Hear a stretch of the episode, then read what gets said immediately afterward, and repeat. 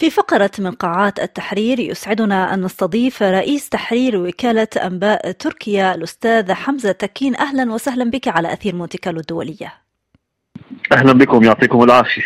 تحيي تركيا ذكرى مرور عام على أسوأ كارثة طبيعية ربما في تاريخها الحديث. هذا الزلزال الذي ضرب أجزاء من تركيا وأيضا من سوريا وخلف العديد من القتلى والجرحى إضافة إلى أضرار مادية ربما شاهدة حتى الساعة. يعني كيف يبدو المشهد بعد عام على الزلزال؟ طبعا نحن اليوم في تركيا نحيي آه، هذه الذكرى السنوية الأولى. نحن نتجول حاليا في منطقة الزلزال في مناطق جنوبي آه، شرقي تركيا.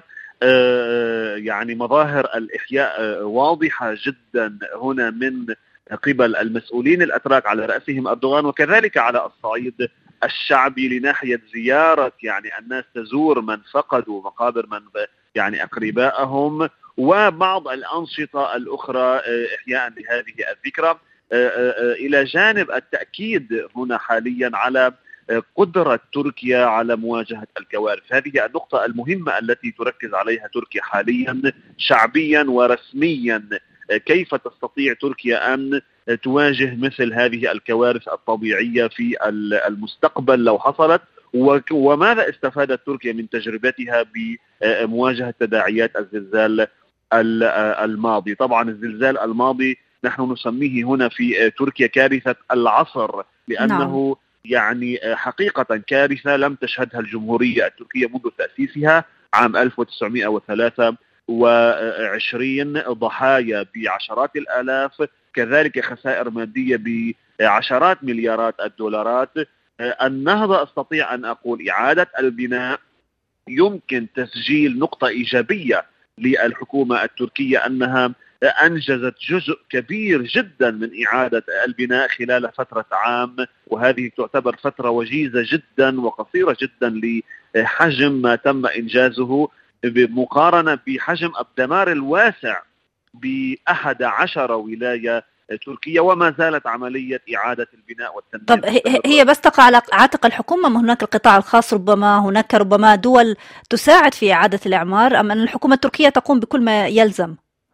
آه، حاليا يعني الحكومة التركية تقوم بالجزء الأكبر بهذا الأمر. طبعا هناك قطاع خاص بكل تأكيد يعمل بهذا السياق ولكن كله بتنسيق كامل ومطلق مع الحكومة التركية يعني بعض التحقيقات التي أجريت بعيد الكارثة قبل عام يعني تبين أن هناك خلل بعض في بعض الشركات الخاصة وبالتالي اليوم تجبر الحكومة التركية الجميع على التنسيق معها فيما يتعلق بطريقه البناء وفيما يتعلق بأماكن البناء يعني نعم. اليوم الحكومة التركية تمنع إعادة البناء في بعض الأماكن تماما لأنها على خط الزلزال أو على صدع الزلزال تماما وبالتالي تجنبا لكارثة مستقبلية. سؤال أخير فقط ربما آه، شعر سكان اسطنبول خلال الفترة الأخيرة بمجموعة من الهزات ربما وهناك مخاوف من تجدد ربما المواطن التركي لم ينسى بعد ما حصل في فبراير الماضي هناك مخاوف من تجدد الكارثة